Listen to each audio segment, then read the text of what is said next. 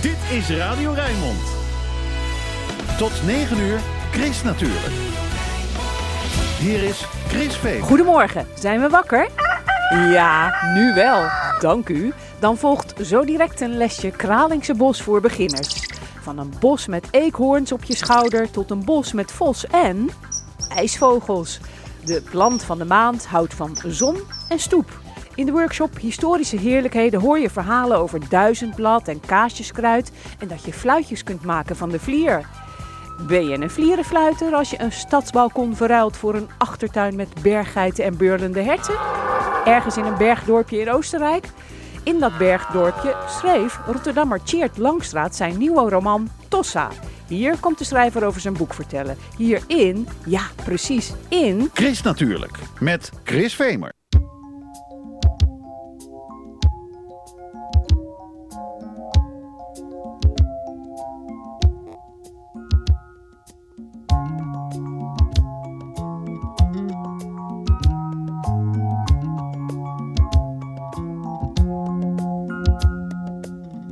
I see the crystal raindrops fall, and the beauty of it all is when the sun comes shining through to make those rainbows in my mind. When I think of you sometime, and I want to spend some time with you, just the two of us.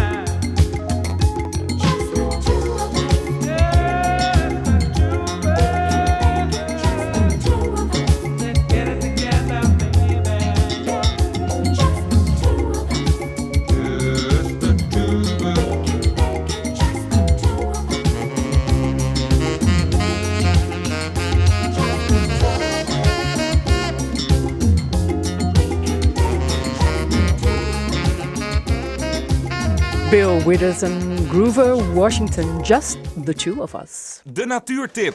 Van Chris natuurlijk. Het Kralingse Bos is het grootste groene park van Rotterdam. Ieder jaar komen er zo'n 3 miljoen bezoekers naar het bos dat niet uit zichzelf is gegroeid, maar dat door menselijk handelen is ontstaan. Je leest erover in het tijdschrift Kralingse Bos voor beginners van historicus Dick Fuik en natuurkenner Marius Hunder.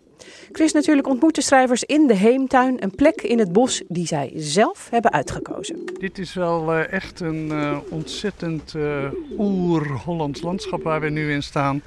En wat ook echt onderdeel uitmaakt van de beschrijving die wij in ons magazine over de historie van het Kralingse Bos nemen. Eh, ja, dit is echt moeraslandschap aan alle kanten.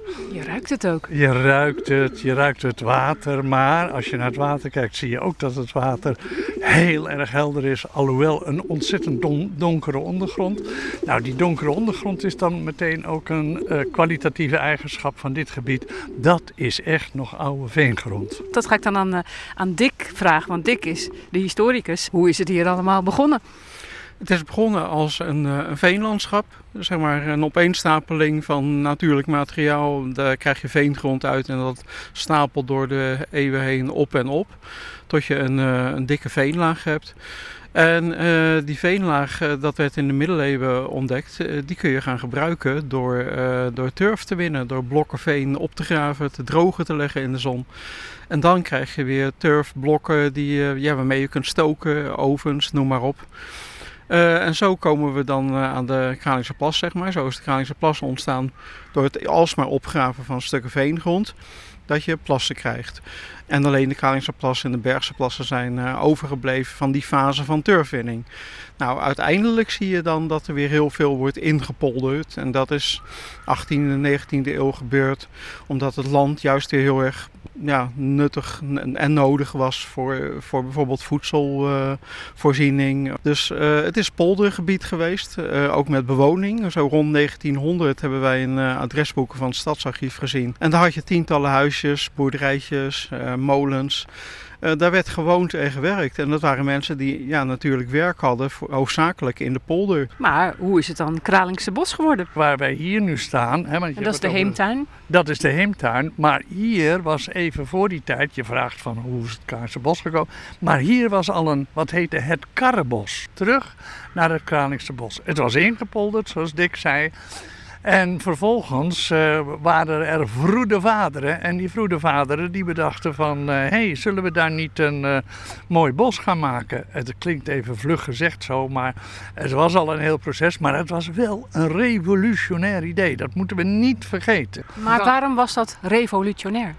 Nou, een bos maken wat uiteindelijk echt bedoeld was om natuur hier te hebben en om mensen die hier in de haven kwamen werken te laten eh, recreëren. Ja, dat was, dat was iets wat in die tijd, daar werd helemaal niet over gedacht. Maar die haven werd steeds groter, Er kwamen allemaal eh, havenarbeiders naartoe, mensen die in de haven werkten.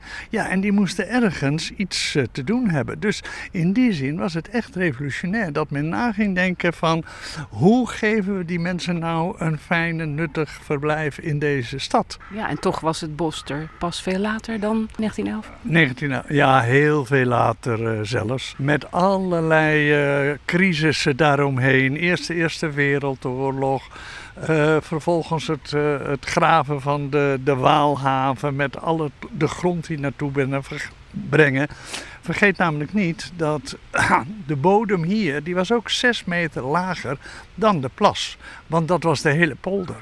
Dus wat hebben ze gedaan? Ze hebben eigenlijk in een ring rondom de plas, dat hebben ze volgestort met grond. En die grond die kwam hoofdzakelijk uit de Waalhaven. Maar toen kwam ook nog eens een keer de kracht. De, De beurskracht. De beurskracht in Ja. 1929. Geld raakte op enzovoort enzovoort. Weer een tegenslag.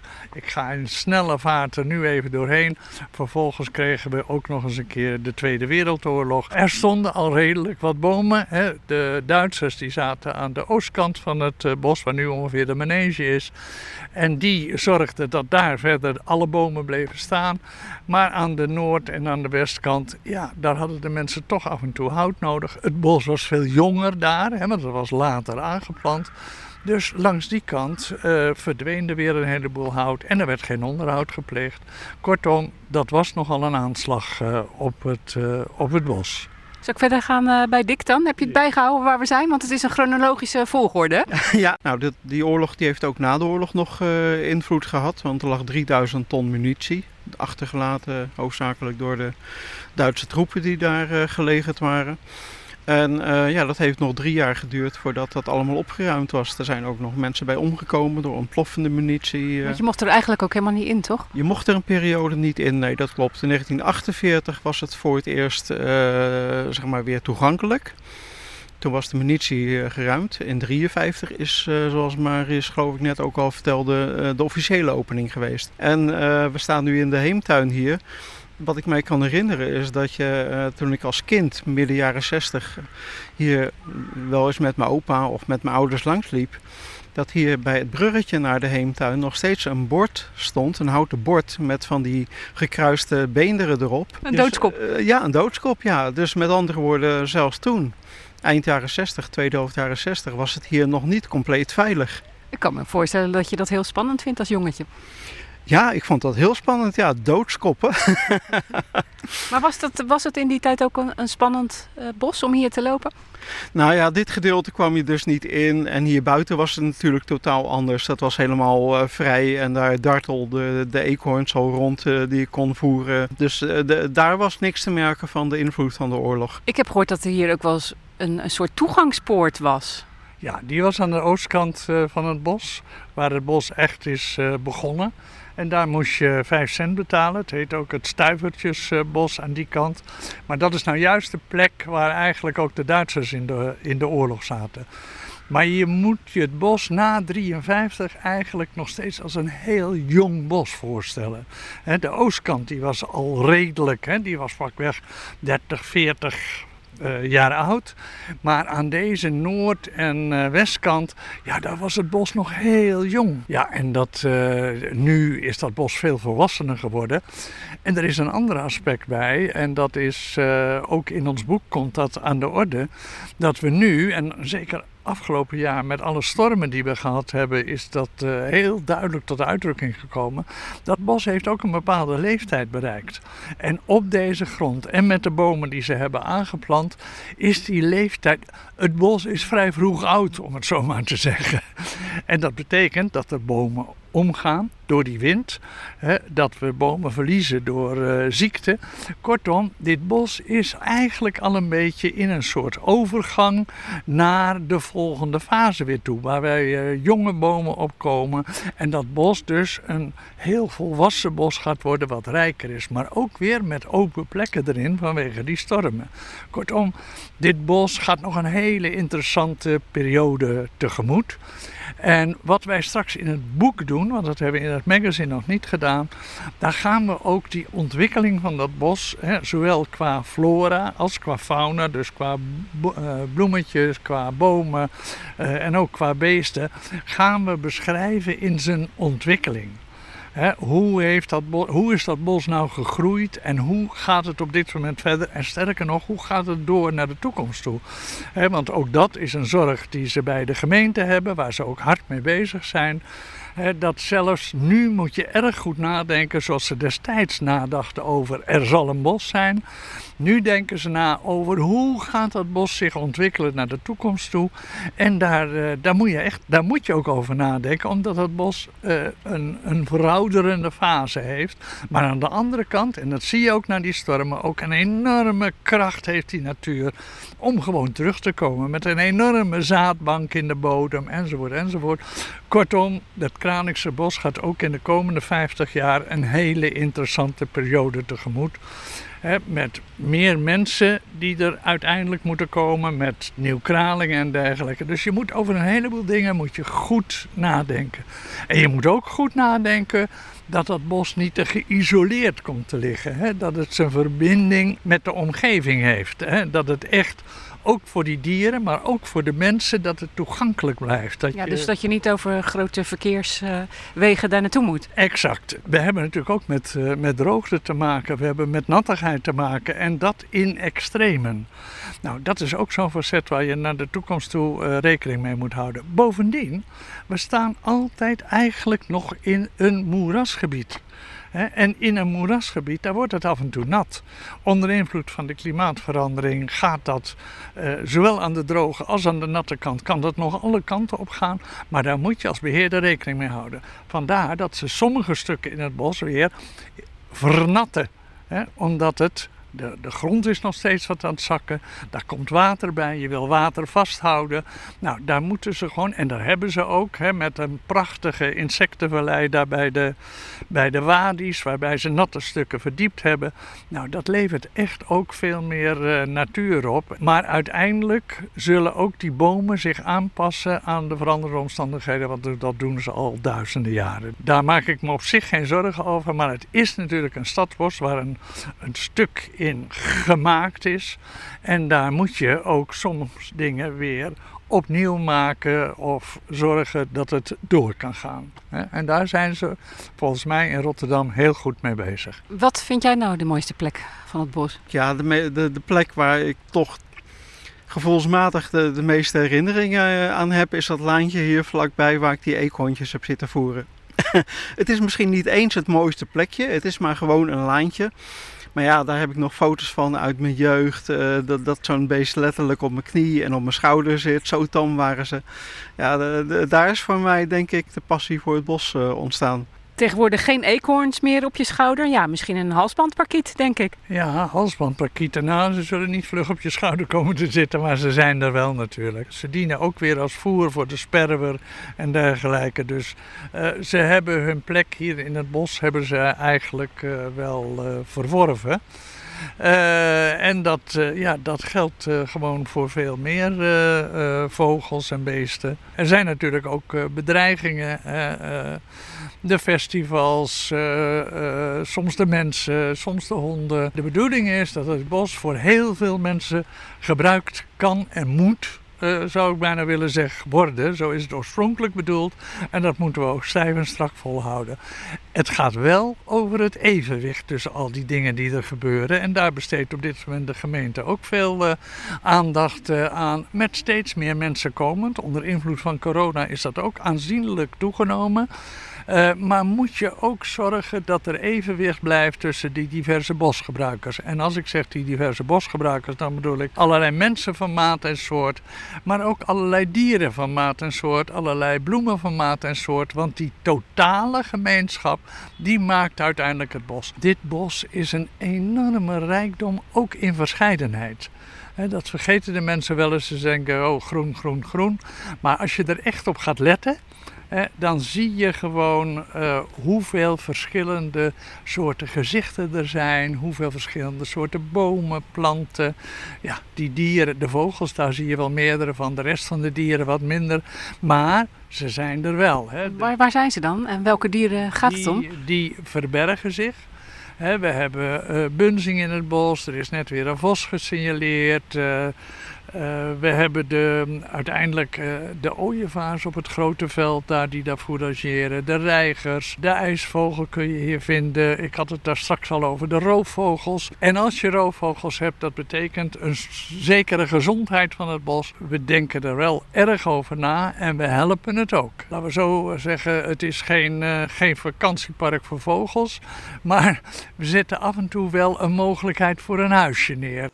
Het magazine Kralingse Bos voor beginners is, zolang de voorraad strekt, onder meer verkrijgbaar bij alle horecazaken in het Kralingse Bos en bij boekhandel Ames in Rotterdam-Kralingen. Het tijdschrift vormt de opmaat van een boek over het Kralingse Bos dat volgend jaar klaar moet zijn. I remember rolling down your street one day when I was lost. Ever since I kept on taking it in case our paths would cross. Threw a rock about your window just to hear you say hello. I broke the glass and ran so fast, your daddy still don't know. I'll bring you flowers to your doorstep on the daily. You made me Learning Justin Bieber songs on ukulele. Damn, baby, I'm so crazy. I remember thinking KFC would be a perfect date. But you're a vegetarian, I found it out too late. Then you laughed it off and told me another place, another time. Just that I'm eating tofu with a salad on the side. I'll bring you flowers to your doorstep on the daily. You made me go crazy. You're my Beyonce, you know I could be a Jay Z. Damn, baby, I'm so crazy. I remember breaking up that time. You caught me on a lie. A hundred thousand roses later, I apologize. I wrote this song about you, didn't care about the charts. All I wanted was for you to keep it in your heart. I'll bring you flowers to your doorstep on the daily. You made me go crazy. I don't care about Ariana, you're my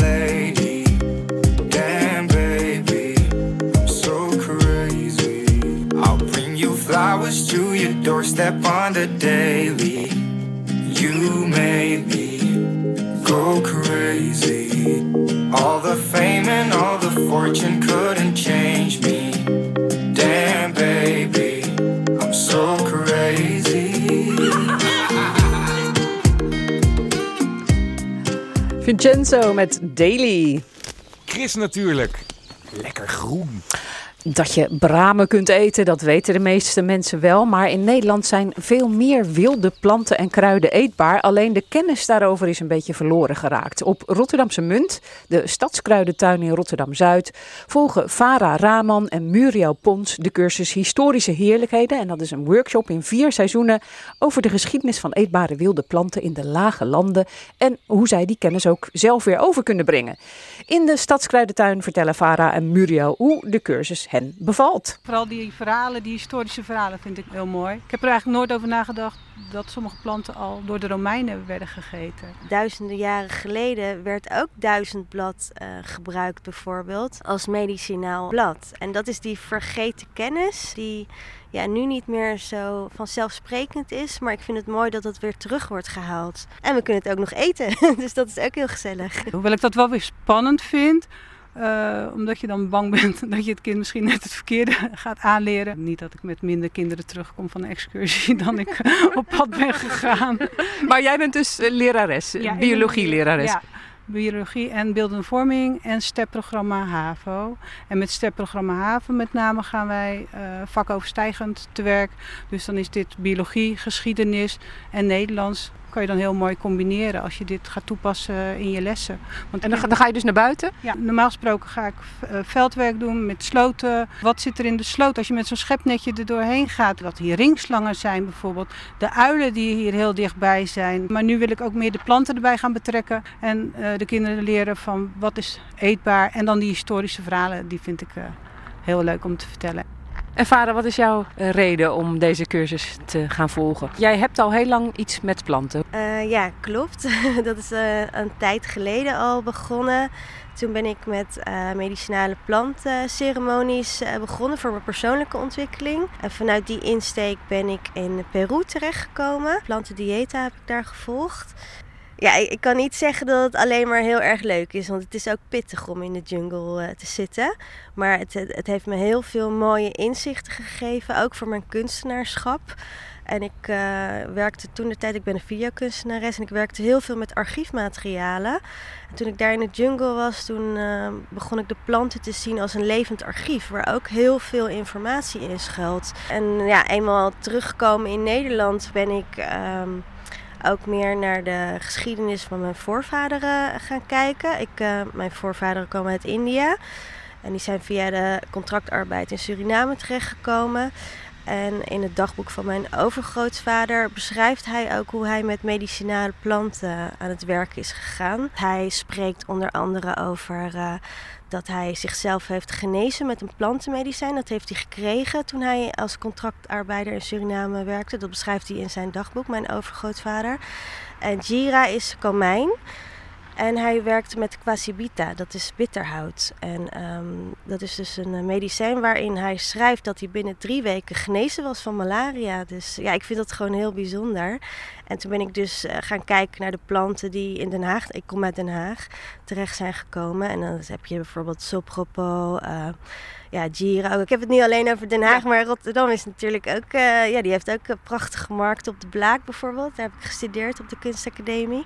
En eh, ja, dus ik heb die plantentuierblad onder andere, eh Sopropo, heb ik verwerkt in mijn eh, plantenserie. Dat is een, ja, dat is een beetje een, ehm, ja, technisch verhaal, maar het is een biochemisch proces waarin planten gebruikt worden om een analoge fotoontwikkelaar mee te maken. Dus ik heb nu ehm, de planten die door de koloniale geschiedenis terecht zijn gekomen in Den Haag, op de Haagse Markt, die heb ik gebruikt in dat analoge fotoproces. En die serie die is nu te zien in eh, het Nederlands Fotomuseum. En daar ben ik me nu bewust van dat het ehm, ja, een groter verhaal is dan alleen mij en mijn familie uiteindelijk. Het is, gaat echt over de medicinale plantenkennis die door de voorvaderen zijn eh, meegekomen en ehm, ja, de veerkracht van mijn voorouders. eh, en daarmee probeer ik een connectie te maken. En dat vind ik ook mooi om hier weer te zijn, omdat Annette daar natuurlijk ook over spreekt. En Ja, tijdens die cursus historische heerlijkheden. Ja. en zij vertelt daar ook over. En ik vind het gewoon eh, heel interessant hoe die symboliek en die geschiedenis, eh, hoe dat allemaal bij elkaar komt. Dat hier ook vroeger met planten werd gewerkt, ook met eh, medicinale kwaliteiten in het eten. En, dus ja, ik vind het gewoon heel mooi hoe dat eh, samenkomt. En hier dan, deze cursus gaat dan vooral over eetbare wilde planten uit de lage landen. En dan niet zozeer over eh, de geneeskracht, maar echt inderdaad wat je kunt eten. Dus misschien moeten we maar eens even in de tuin gaan kijken of we wat vinden. Want eh, nou, eigenlijk is alles in deze tuin van Rotterdamse Munt eetbaar. Maar dit zijn allemaal geen wilde planten. Volgens mij is dit toch weer de bosaardbei. aardbei, ja. Is dit een De schijn? De schijnaardbei, ja. hij- Dat hij is doet- dus, hij ziet eruit als een aardbeidje, maar dan heel klein. Ja, en hij is echt rood van kleur. En hij heeft eigenlijk ook dezelfde eh, blaadjes. Oh ja, en trouwens, dat was wel een nieuwtje wat ik had gehoord. Ik dacht altijd dat hij giftig was. En Annette vertelde dus eh, dat hij niet giftig is, maar dat hij gewoon naar niks smaakt. Dus dan is het leuk voor de sier of Ja, zo. en dat bosaardbei. Maar hebben jullie daar nog een verhaal bij gehad? Ja, dan? bij Een, het een bosaardbei, historisch verhaal? eh, vind ik dan wel leuk, want als je naar de schilderijen kijkt in de middeleeuwen, dan zie je Maria eh, vaak afgebeeld met op de ondergrond bosaardbeidje. En het bosaardbeidje, aard- aardbeien zijn nederig, die kruipen over de grond, dus dat is de nederigheid. De drie blaadjes, dat is dan eh, de drie-eenheid, vader, zoon, heilige geest. En eh, het rode aardbeidje is dan weer symboliek voor het bloed van Christus. Nou, de hel- zo had ik nog nooit naar het bosaardbeidje. eh En dan zo klein. en dan Nee. zo klein en dan heb je zo'n grote betekenis. Wat is dit? Dit is de vlier en eh, in Nederland staat hij ook heel vaak bij eh, boerderijen. En de vlier eh, wordt ook gezien als een boom die het onheil kan tegenhouden. En je moet hem dus niet zomaar omhakken, want als je dat doet zonder overleg met de vlier, dat zijn dan de verhalen, dan komt er, ja, dan komt er kwaad in jouw omgeving terecht. Maar de goede kanten van de vlier is dat hij die bloemetjes heeft en in het voorjaar gaat, komen de, komt de bloesem. En dat wordt dan ook meer gezien als het eh, komst van het licht weer. Hè. We komen uit een donkere periode en dan komt het, eh, het licht er weer heen. Nou, voor die bloemetjes kunnen we natuurlijk allerlei lekkere gerechten van maken. Waar Muriel het net over had. Dat als je hem op, omhakt, dat je misschien wel ehm, ja, de toorn van de kwade elfjes en de veeën op je haalt. Daar geloof je echt in. Ja, ik geloof er niet echt in, maar ik vind het wel. eh, het gaat wel meer leven door zo'n verhaal. En ik merk wel dat als ik vlierbloesem pluk, elk jaar maak ik ook limonade en ik gebruik het ook voor pannenkoekjes. Ja, dan sta ik toch wel even stil bij zo'n eh, verhaal die ze heeft verteld. Ja.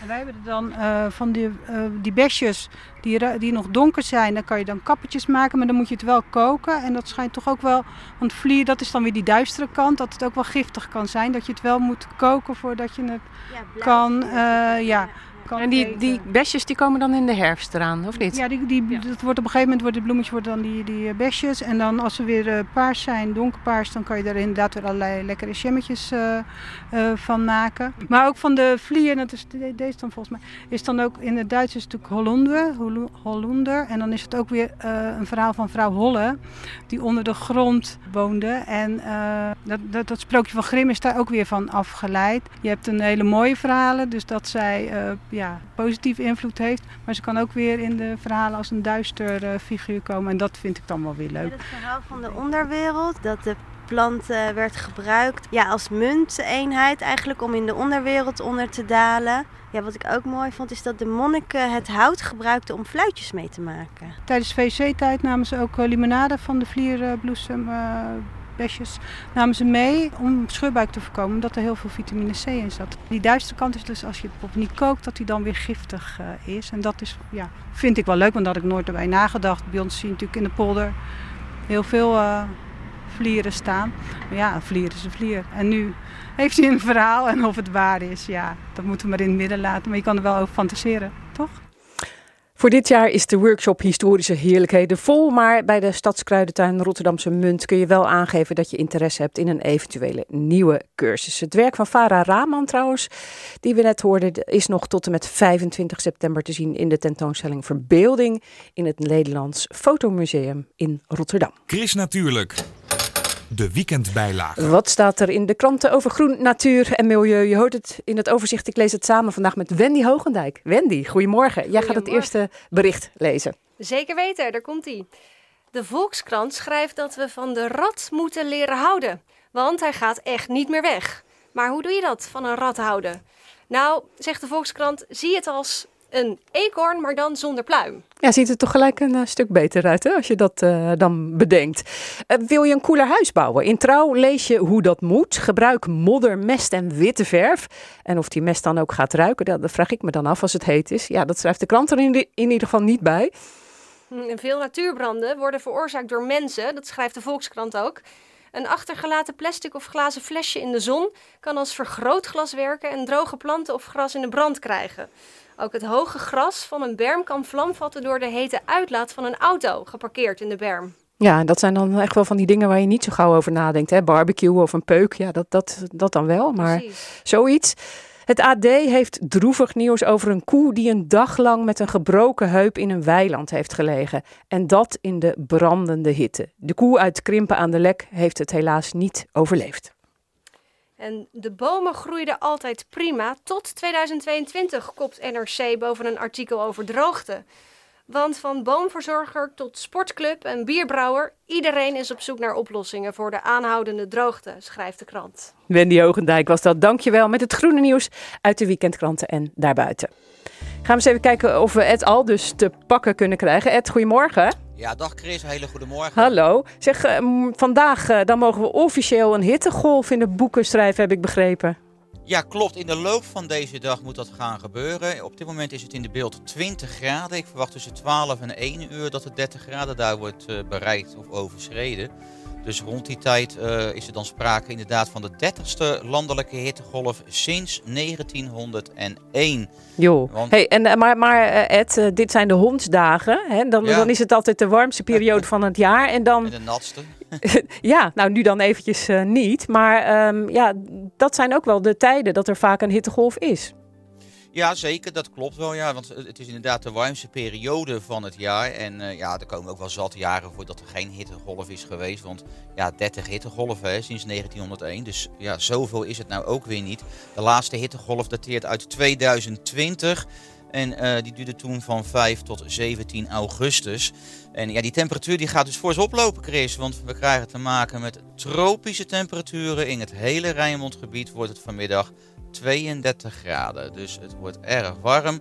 Uh, de wind die gaat toenemen tot matig. Komt vanmiddag langs de kust uit het noordoosten. Elders komt de wind meer uit het oosten.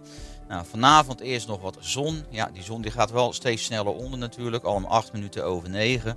En wat opvalt, ja, het blijft nog heel lang warm. Want het is nog uh, ja, om 10 uur nog uh, ruim 25 graden. En vannacht is het helder. En dan komt de temperatuur niet lager uit dan een graad of 20. Nou, morgenochtend is het zonnig, maar in de middag komt er wel een teken van iets van ja, ander weer aan. Er komt meer bewolking de regio binnen vanuit het zuidwesten. Het blijft wel droog, tropisch weer morgen tot 32 graden aan toe.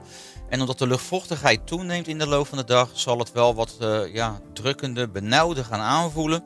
De wind die waait matig uit het oosten en langs de kust weer uit het noordoosten. Ja, nou ja, dat, en dat zet zich ook uh, voort hè, de rest van de week. Van een beetje meer van die nattige warmte. Ja, zo zou ik het maar noemen. Maar het is, ja. het is niet echt fijn. Nee, nee, precies. Het wordt vooral heel drukkend inderdaad. Dat geldt zeker voor maandag, dinsdag en woensdag. Dan is er geregeld zon. Maar een kleine kans trouwens op een regen- of onweersbui. En uh, temperaturen zijn best nog wel hoog hoor. Ja, minder warm dan uh, uh, dit weekend. Hè. Dus geen tropische temperaturen meer. Maar wel in de middag nog rond 27 graden.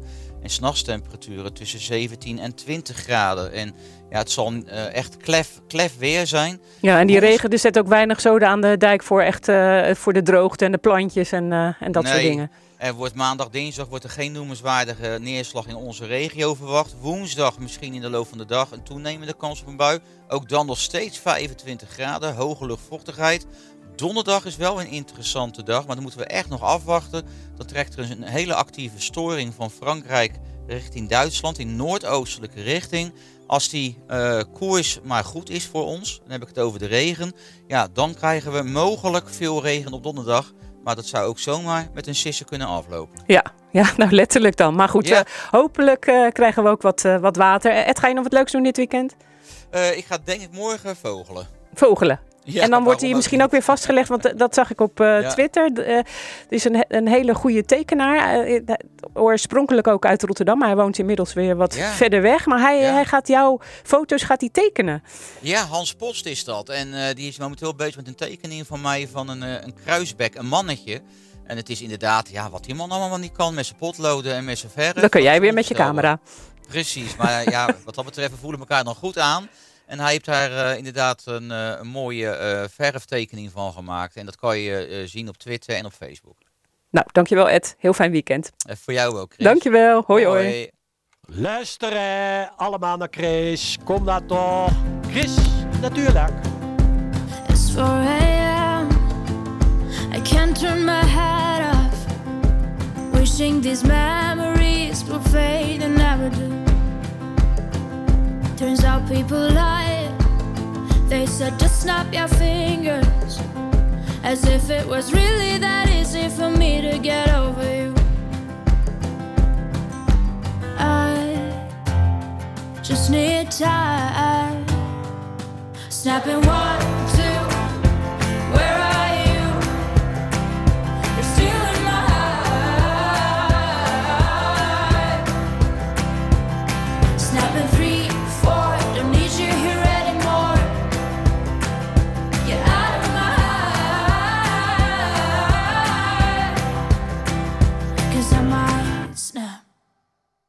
I'm writing a song. Said this is the last one. How many last songs are left? I'm losing count. Since June 22nd, my heart's been on fire. I've been spending my nights in the rain trying to put it out. So I'm snapping one,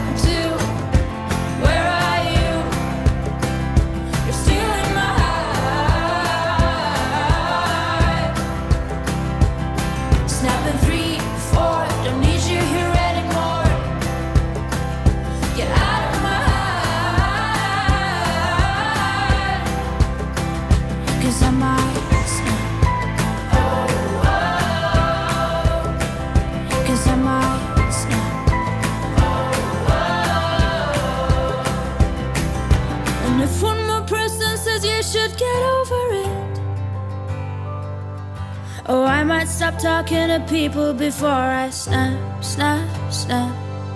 Oh, I might stop talking to people before I snap. Snapping one, two. Where are you?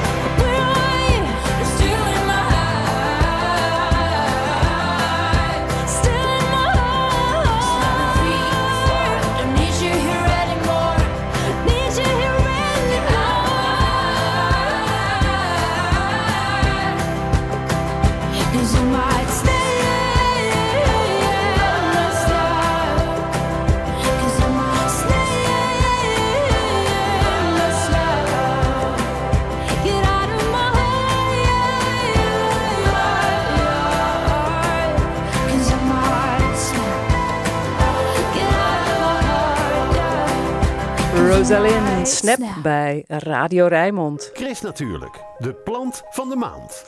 Melita van Bracht, botanicus bij de Botanische Tuin Afrikanerwijk in Rotterdam-Zuid, die heeft bij iedere plant uit de tuin wel een verhaal. Welke plant heeft ze uitgekozen voor de maand augustus? Nou, ik dacht we beginnen eens met een stoepplantje. Ik zeg wel stoepplantje, maar hij is wel iets groter. En ik moet er altijd wel een beetje om lachen, want ja, hij zaait zich ook uit als een, eh, als een idioot. Vaak komt hij uit tuinen. In 1990 is hij voor het eerst gesignaleerd in, eh, in Nederland. Dat hij zich eh, aan het uitzaaien was eh, in steden. En we staan ernaast. Nou, Chris, hoe hoog is die? Ik denk een meter of drie. Ik dacht, we laten ze thuis nog een beetje in spanning zitten van wat, wat zou het nou in godsnaam zijn? Je hebt ze in allerlei kleuren. Mensen zit- zitten er vaak op het scheld als hij in de tuin staat, want dan heeft hij vaak last van roest. Begint er al wat te dagen, dames en heren? Of eh, wat denk jij, eh, Chris? Zouden ze het al weten? Nou, ik vind dat je het nu maar bekend moet maken. We gaan het hebben over de stokroos. Of in het Latijn de Althea rosea. En het grappige is, want zeg maar, zijn broertje of zijn zusje staat ernaast als heemst. Ja, je kan wel zien, ze lijken heel erg op elkaar. Alleen het verschil eh, tussen die twee is dat heemst die houdt van heel erg nat aan zijn voetjes. En een stokroos die houdt van eh, lekker zonnig en lekker droog. En vaak bij tuinen, dan staat hij vaak op een plekje waar hij last van die roest krijgt. En die roest die kan je makkelijk zien, want ik zag hier net ook een stukje. Moet ik even kijken. Oh, hier zo zit hij. Kijk, hier, zie je op zo'n blad zie je allerlei oranje spikkels zitten. En dat is roest. Dus als je thuis nou daar last van hebt, dan zou ik zeggen van haal dat lelijke blad weg. En een schimmel, weten we allemaal, die gaat gewoon voort eh, op de composthoop. Dus die douw je dan gewoon in een grijze zak. Dan gaat die lekker ter verbranding weg. Dan ben je er echt vanaf. Ja, en vind je het een mooie plant? Ja, ik vind het een prachtige plant. En ik denk dat daarom mensen hem ook laten staan op de stoep. Zelfs de gemeentemannen, weet je wel, die met die grote wagens komen, met die branders en eh, van die schoffels.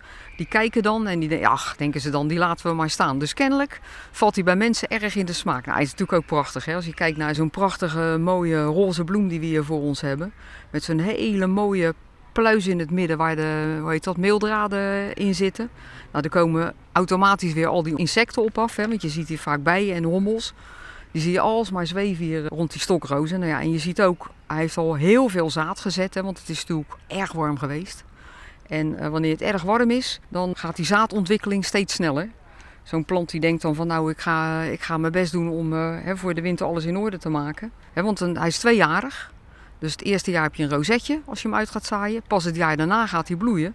Maar wil je er nou langer van genieten, als je dan die, die, die zaadstengels eraf knipt, dan heb je nog wel eens kans dat hij volgend jaar gewoon nog een keer gaat. eh, Dus dan heb je er drie jaar plezier van. Jij zei net, ja, je ziet hem overal in de stad. Want mensen doen dat toch ook vaak. Dan halen ze de tegel eruit. En dan doen ze vooral de stokroos erin. Zo makkelijk tegen de gevel aan. Ja, want dat vinden ze natuurlijk ideale plekjes. En mensen die zien dat bij anderen en die zeggen van nou heb je voor mij een zaadje. Nou ja, en je ziet ook, hè, hier plukken we er even zo'n zaaddoos van af. En dat is ook wel grappig, want eh, even kijken hoor, daar hebben we hem.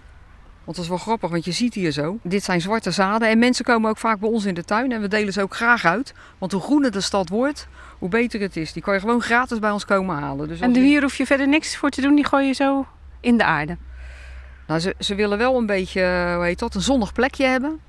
En dan inderdaad eh, ja, gewoon in de aarde gooien. Dus gewoon als ik met de fiets naar huis ga, gooi ik gewoon een paar eh, van die eh, zaadjes ergens in de aarde. En dan komt het overal dan uit. Komt het, dan komt het waarschijnlijk goed. Want zo, zo, zo zie je ze ook veel eh, door die stad heen reizen als het ware. Hè? Want ze, ze gaan van de ene stoeptegel naar de andere stoeptegel, zullen we maar zeggen. Je ziet ze ook vaak bijvoorbeeld bij een, een lantaarnpaal, weet je wel. Dan zoek ook van die plekjes waar niet gelopen wordt. Want als je erop loopt, ja, dan zijn ze al gauw kapot. Maar plekjes waar niet gelopen wordt, dus tegen de gevel aan. En er hoeft maar een klein beetje humus te zitten. Hè, dat we een keer eh, niet geveegd hebben. Gelukkig. Dan, eh, dan noemt hij het. En dan gaat hij eh, echt eh, nou ja, groeien als een, als een tierenlier tot twee meter hoog. Je ziet het. Oh, kijk, en er zit ook net een bij in daar, in die witte. Ja, maar dat is weer een andere. Oh. Dat is ook wel weer een malvacee, maar dat, dat is een, eh, hoe heet dat, eh, een tuinhibiscus. Oh, ja. Maar je ziet wel, hè, want die, ze lijken, Ze lijken heel, er wel op, ze ja. lijken heel erg op elkaar. En dat is ook met die heemst. En deze, dus eh, de stokroos, weet je hoe die hier gekomen is of wanneer? Nou ja, kijk, eh, weer door die verzamelaars, hè. Die altijd maar, eh, net als ik, overal kijken en denken van... nou, dat is mooi, dat wil ik thuis ook. Ja, die nemen dat mee. En dat is ongeveer in de 17e eeuw zo'n beetje gebeurd. Dat hij hier naartoe is gehaald, in de tuinen. En wat ik er net al zei, sinds 1990 wordt hij echt gezien in de stad hè, in Rotterdam. Gesignaleerd dat hij echt eh, ja, van de gebaande paden afgaat en dan eh, zich een weg eh, zelf door de stad heen wurmt. Maar dat is toch gek? Hoe zou dat dan komen dat dat pas sinds 1990 is, als het al zo lang hier is, die plant? Vroeger was het natuurlijk een wasdag, maandag wasdag volgens mij. De hakballendag had je, de visdag had je, maar je had ook een stoepiesdag. Dan ging iedereen buiten aan het poetsen. En dat is denk ik wel een beetje minder geworden. Mensen zijn minder uh, proper op hun stoepje. En dat is goed voor de stokroos? En dat is niet alleen goed voor de stokroos.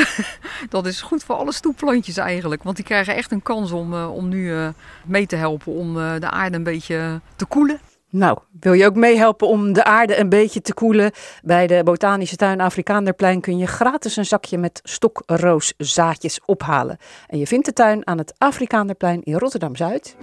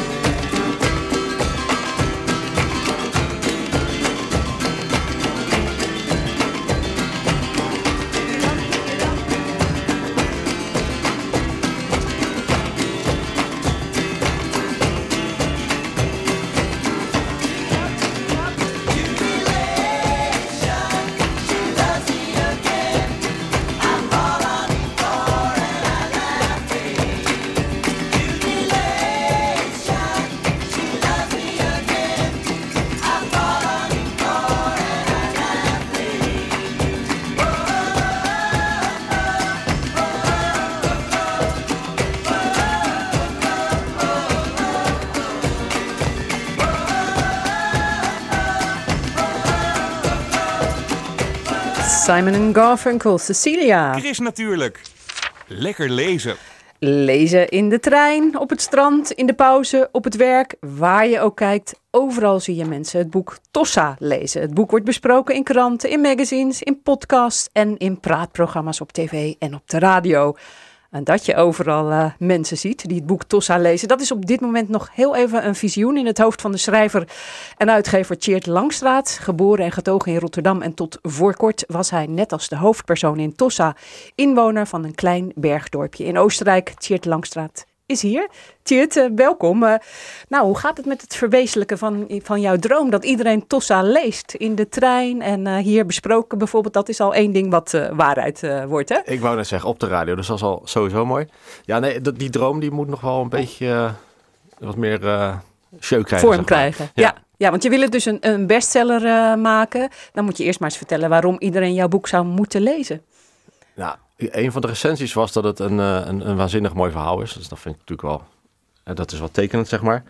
Um, ja, het is gewoon een, een mooi uh, boek over vriendschap, liefde en de dood. Um, en het speelt voor een heel groot gedeelte af in, in de bergen en in Tossa de Mar. Um, ja, ja, ja, moeilijk hè. ja, moeilijk hè. Waarom je. Nou, nou goed, laat me maar eens vertellen over dat jouw boek voor een deel is gefinancierd met een crowdfundingsactie. Ja. En daar hoorde dan een tegenprestatie bij. zo kon je bijvoorbeeld een rol krijgen in je boek. Ja. Ja, ik heb drie mensen de, de kans gegeven om, als je een wat hoger bedrag betaalde, een, een rol te krijgen. Dus heeft één oude klasgenoot van mij heeft dat gedaan. En twee dames die ik ken.